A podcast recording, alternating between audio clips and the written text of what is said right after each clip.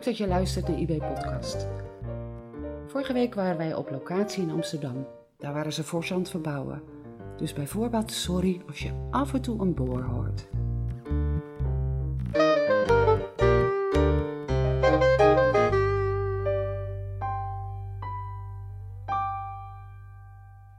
Vandaag zijn we afgereisd naar Amsterdam.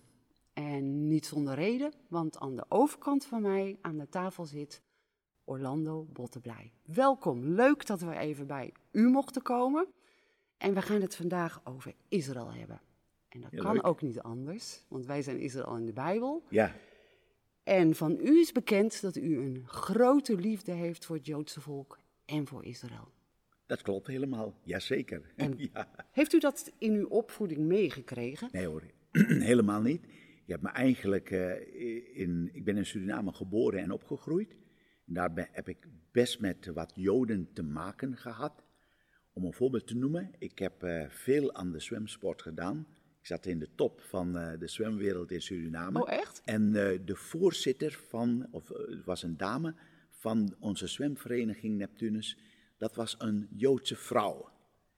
En met haar en haar gezin gingen we heel veel om. En haar man was een, een vooraanstaande man in de maatschappij, eh, grote zakenman, eh, Jood. Dus daardoor ben ik op een hele natuurlijke manier ben ik veel met Joden in contact gekomen. Maar ehm, eh, dus op die manier. Maar mijn liefde voor Israël is ontstaan toen ik naar Europa kwam en uiteindelijk eh, theologie ging studeren. En toen ging die Bijbel voor mijn leven. En zeker ook toen het ging over de positie en de plaats van Israël in, in de Bijbel. En dat heeft mij gepakt. Dus vandaar dat ik eh, een absolute, eh, ja, ik zou zeggen, grote liefde heb gekregen voor Israël en voor het Joodse volk. Ja. En, en heeft u ook eh al eens met Joodse mensen kunnen spreken over de Heer Jezus? Heeft u een Bijbel kunnen uitreiken? het evangelie kunnen delen? Heeft u daar ook ervaring mee? Niet heel veel, maar wel een aantal keren. Eh, ik kom wel eens eh, Surinaamse Joden hier in Nederland tegen. En dat heeft ertoe geleid dat je daardoor makkelijk kan praten. Eh, ik heb een, een, een Joodse vriend, ook een Surinamer, die de Heer Jezus Christus heeft leren kennen. En samen met zijn gezin ook echt Messias beleidende Joden zijn. Ehm, ik ben meerdere keren in Israël geweest en eh, als ik er kom, neem ik meestal een aantal eh, Bijbels mee eh, in het Hebreeuws. En die probeer ik op een hele eenvoudige manier, niet opdringerig, uit te delen aan mensen in Israël. En dan neemt u een complete Bijbel mee of een Nieuw Testament? Of, Ehm, verschillend. Soms is het een hele Bijbel, soms is het een Nieuwe Testament. Ja. Ja, want eh, het hart van het werk van Israël in de Bijbel is natuurlijk verspreiding eh, van Bijbels onder Joodse mensen. ja. Eh, wat, wat, wat trekt u zo aan, zeg maar, in het werk dat Israël in de Bijbel mag doen? Ja, ik moet zeggen, ik, eh, ik, ik kwam een aantal jaren geleden, kwam ik via via met Israël in de Bijbel in contact, of beter gezegd met Ton Stier kwam ik in contact. En toen heb ik hem gezegd van, joh, ik zou een ke- keer naar je toe willen komen om meer te weten over jullie organisatie. Nou, ik ging op vleugeltjes. ging ik terug. ik was diep, diep onder de indruk van wat Israël en de Bijbel gedaan heeft en nog steeds doet in de loop van de jaren. Ik vind het zo kostbaar dat er een strategie is het woord van God terug te geven aan het volk waar het vandaan komt. En dat de Heilige Geest daarmee zelf zijn werk doet om ze te helpen. En waar ik helemaal verbaasd over was, dat was volstrekt nieuw voor me, is dat zelfs zoveel Joden, dat ze wel heel veel gebedenboekjes gebruiken en kennen, maar als het gaat om het lezen van het Oude Testament of de Torah zelf, dat, dat het weinig gebeurt. Dus dat het voor hen een ongelooflijk geschenk is wanneer zij de Bijbel in hun eigen taal krijgen. Het Oude Testament in dit geval. En helemaal als je ze helpt natuurlijk om ook de weg te zien van het Nieuwe Testament. De vervulling van het Oude. Ja, ja want dat, dat is ook wel een beetje het idee wat heel veel mensen hebben is dat Joodse mensen hebben een Bijbel. Ja. Maar de meeste Joodse mensen hebben helemaal geen Bijbel. Nee, nog veel sterker, eh, omdat ik heel vaak in Israël ben geweest. En ik neem de groepen die ik meeneem altijd mee naar de klaagmuur. En bij de klaagmuur heb je de ene kant van waar de vrouwen samenkomt en de andere kant waar de mannen samenkomen. En dan heb je in die grot, zou je zeggen, heb je ontzettend veel studiezalen. En als je daar binnenkomt, dan zou je zeggen, je, je, loopt over de Bijbels heen, bij wijze van spreken, dat er zoveel Bijbels is. Maar dat is niet het geval. Het zijn voornamelijk gebeden boekjes en uitleggingen, maar niet het Oude Testament zelf. Dus, dus het geven van de Jood zijn eigen woord, dat van God afkomstig is, van Yahweh, is ongelooflijk rijk. Ja. Waarom is het binnen uw gemeente zo'n belangrijk thema? U heeft het voor een deel al gezegd, zo'n Ja. belangrijk thema. Waarom is het belangrijk om als gemeente, maar ook als christen, Israël lief te hebben en Israël ook veel te lezen over Israël en de dingen die over Israël gaan ook op zijn Ja. plek te laten? Ja, ja. Kijk, en, eh, eh, misschien dat ik het zo mag benaderen. Eh, heel veel mensen denken dat als je van Israël houdt, bijvoorbeeld eh, midden in de omstandigheden van de Palestijnen, dat je daarmee de Palestijnen tekort doet. Maar dat klopt niet. Je moet zowel Israël als de Palestijnen liefhebben. Maar als het gaat om de liefde voor Israël, dan gaat het erom omdat je ogen dan opengaan, mijn ogen zijn opengaan, dat God het is die te midden van alle volken op deze aardbodem de keuze gemaakt heeft om Abraham en zijn nageslacht te selecteren als zijnde zijn volk door middel waarvan hij zich wil gaan bekendmaken aan deze wereld. Dus als ik van God houd, dan kan ik niet anders Corrie ten dan Boom, hè? dat ik van Israël moet houden. En, en dus als ik dat begrijp, dan is het bijna een automatisme. Maar als mijn liefde voor God, die zich aan ons wil bekendmaken, als die liefde mij geraakt heeft, dan kan het niet anders dat ik ook geraakt word door de weg die God bewandeld heeft en nog steeds bewandelt om mensen te bereiken. Nou, en dat heeft ertoe geleid dat doordat ik zie hoe God Israël eh, positioneert, dat ik dit volk wil omarmen. Het betekent niet dat je daarmee de alles van Israël als natie hoeft goed te keuren. Want dat denken mensen ook. Dat is niet het geval. Het betekent ook niet dat betekent dat elke Jood inderdaad lief en aardig zijn. Soms zijn er Joden die erg onaardig zijn. Maar je, je hebt ze lief als mens, maar ook als volk en als natie, wegens de liefde van God en dat de Bijbel ons daartoe ook aanmoedigt en oproept.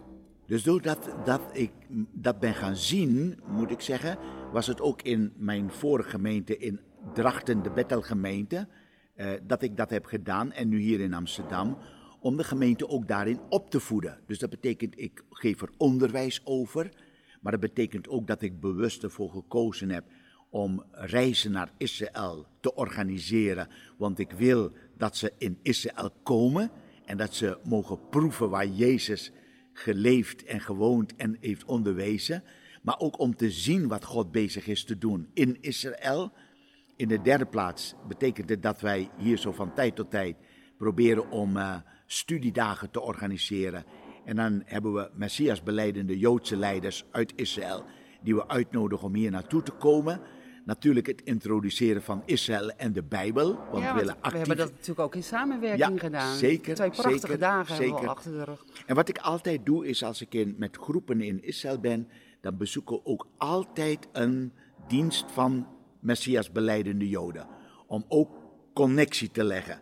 En sinds kort zijn we ook begonnen, zoals we het in Drachten ook hebben, zijn we nu ook hier, beginnen we ook hier met een speciale bidstond één keer in de maand, speciaal voor Israël. Dus op die manier probeer ik handen en voeten te geven aan de liefde. Dat het niet alleen maar een gevoel is, maar dat het ook in daden, in concrete dingen naar Ja, voren komt. Maar u zei al, u bezoekt dan ook een samenkomst op zaterdagochtend in Israël. Eh, is, is dat voor u ook een extra iets wat u mee wil geven aan de vakantiegangers? Dat steun nodig is voor Israël, maar vooral voor onze broeders en zusters in Israël, onze Joodse broeders en zusters. Ja. Ik vind het fantastisch wanneer organisaties en gelovigen iets doen voor Israël als natie. Of voor de seculiere Joden, of voor mijn part voor de orthodoxe Joden. En toch vind ik dat het woord van God helder is dat we goed moeten doen voor alle mensen, maar in het bijzonder voor onze geloofsgenoten. En als ik zie onder welke druk de Messias beleidende Joden met name in Israël leven, wat voor aanvallen komen, met name van de kant van de orthodoxe Joden. Het is bizar om dat te zien. Dan vind ik zelf dat ik verplicht ben en dat wij de, uh, de oproep hebben van God om inderdaad ook onze broers en zussen daar zo te ondersteunen. Met gebed, maar ook daadwerkelijk. En voor mij is het dus deze vormen die ik probeer te vinden om uiteindelijk te laten zien dat we achter ze staan. Ja. ja.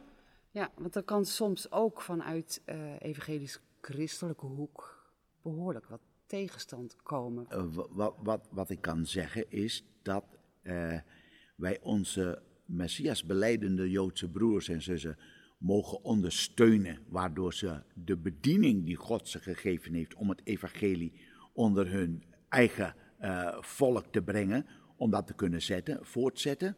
Ik denk dat we ze daarin volop moeten supporten. Maar het betekent niet dat het ons niet ontslaat, of dat het ons ontslaat van het feit dat we als niet-Joden het evangelie niet moeten brengen, ook aan de Joden. Dus, ook dus dat is belangrijk. Want ik hoor vaak de, de, de opmerking, ja, maar als je denkt aan alle kruistochten die zijn geweest en alles wat wij de Joden hebben aangedaan, dan moeten we het zwijgen erop leggen om met, met, met Joden te praten over het geloof en over de Heer Jezus Christus. In de allereerste plaats vind ik het nergens terug in de Bijbel. In de tweede plaats moet ik zeggen, ik kan me voorstellen dat je ene voorzichtigheid betracht, maar het betekent niet dat het je niet de ruimte geeft. Alleen je moet het op een wijze, op een verstandige manier doen, maar dat vind ik niet alleen maar naar Joden toe, maar bij wijze van spreken ook hier in Nederland, dat je niet patsboom mensen met het evangelie moet confronteren. Het is vaak in een relatie. En het mooie dat ik vind, als ik met Messias beleidende Joden spreek, dan verwonder ik mij keer op keer erover hoeveel van ze gewoon door niet-Joden tot Jezus zijn geleid. Omdat ze door hun liefde, door de wijze waarop ze met hen omgingen, uiteindelijk van Jezus zijn gaan horen en tot geloof kwamen. Dus ik vind dat het soms een verschuilen is en een valse tegenstelling om te zeggen, omdat wij vanuit het heidendom de Joden dit hebben aangedaan, daarom zouden we ze niet met ze moeten praten over Jezus. Ik, ik denk dat, dat dat niet klopt. Nee. Nee, nee, want er is maar één weg tot behoud. Voor ja, Jood maar goed, en niet Jood. Ja, ja, zeker, zeker. Maar ook als, als zeg je dat natuurlijk, uh, ik denk niet dat men dat zozeer bestrijdt, maar meer om aan te geven dat wij geen recht zouden hebben om een Jood het evangelie te brengen. En dat vind ik nergens in de Bijbel terug. Nee, we zijn geroepen om Israël tot jaloersheid te stemmen. En dan weet ik dat sommigen daarmee zeggen van oké, dan doen we het door goede werken, door sociaal met ze bezig te zijn. Dan zeg ik, het zijn allemaal goede middelen, maar het mag mij nooit het zwijgen opleggen. Zeker als ik in een goede verhouding, een goede relatie kom te staan tot de Jood, dan vertel ik wie dan ook dan het evangelie. Ja. Nou, een, een, een Messias beleidende Jood zoals Ethan Barr, die is uiteindelijk aan het denken gezet in het kamp in Canada. En omdat hij toevallig in een christelijk kamp terecht kwam en dacht van, wat moeten die heidenen met mijn God, mijn Bijbel, mijn liedjes... Uh, hoe kan dat nou dat zij een veel betere relatie hebben? Dus dan heb je dat opwekken, verwekken tot jaloezie. Ja. En hij is ook een van degenen die ook constant oproept zo van... Verkondig het evangelie aan Joodse mensen, kom op. Ja, ja, ja. En ons ook oproept om dat te doen. Ja, ja. Hier zo in Amsterdam is er een heel bekend jeugdhotel, de Shelter. Ja. En We als hebben zie- Jaap en Henny toevallig niet zo lang geleden En als- gesproken. En als ik zie hoeveel Joden in de loop van de jaren door te logeren in de shelter tot geloof in Jezus Christus gekomen zijn, is dat fantastisch. Ja, Ja, dat geldt zelfs voor de directeur van One for Israel Ja. in Israël. klopt. Ja, ja, Die ja, is ja. ook hier in de Ja, shelter Ja, in dat klopt. Ja. Ja. Ja, ja, En ik zou zeggen, iedereen die eigenlijk naar Israël gaat, zou met Israël en de Bijbel in contact moeten komen om een Bijbel mee te nemen, Absoluut. om daar af te geven. Ja, want een Nieuw Testament is in Israël niet te koop. Nee. En eventueel tandpasta en shampoo Ja. wel. Dus dat plekje kan eventueel voor een Bijbel. Klopt, ja. Dank u wel. Dank u wel voor uw tijd. Want ik weet dat u inmiddels met pensioen bent, emeritus predikant bent, maar verre van het rustig heeft. Dus dank u wel. En wellicht ooit nog tot de volgende Ja. keer of tot een Ja. volgende studiedag met Ja, Israël ik heb het heel graag Dank gedaan en ik zou zeggen heel veel zegen. En jullie van Israël en de Bijbel zou ik willen aanmoedigen. Ga onverkort met grote liefde en passie door Zeker. met wat God jullie als opdracht heeft gegeven. Nee, Dank u dank. wel. Bedankt.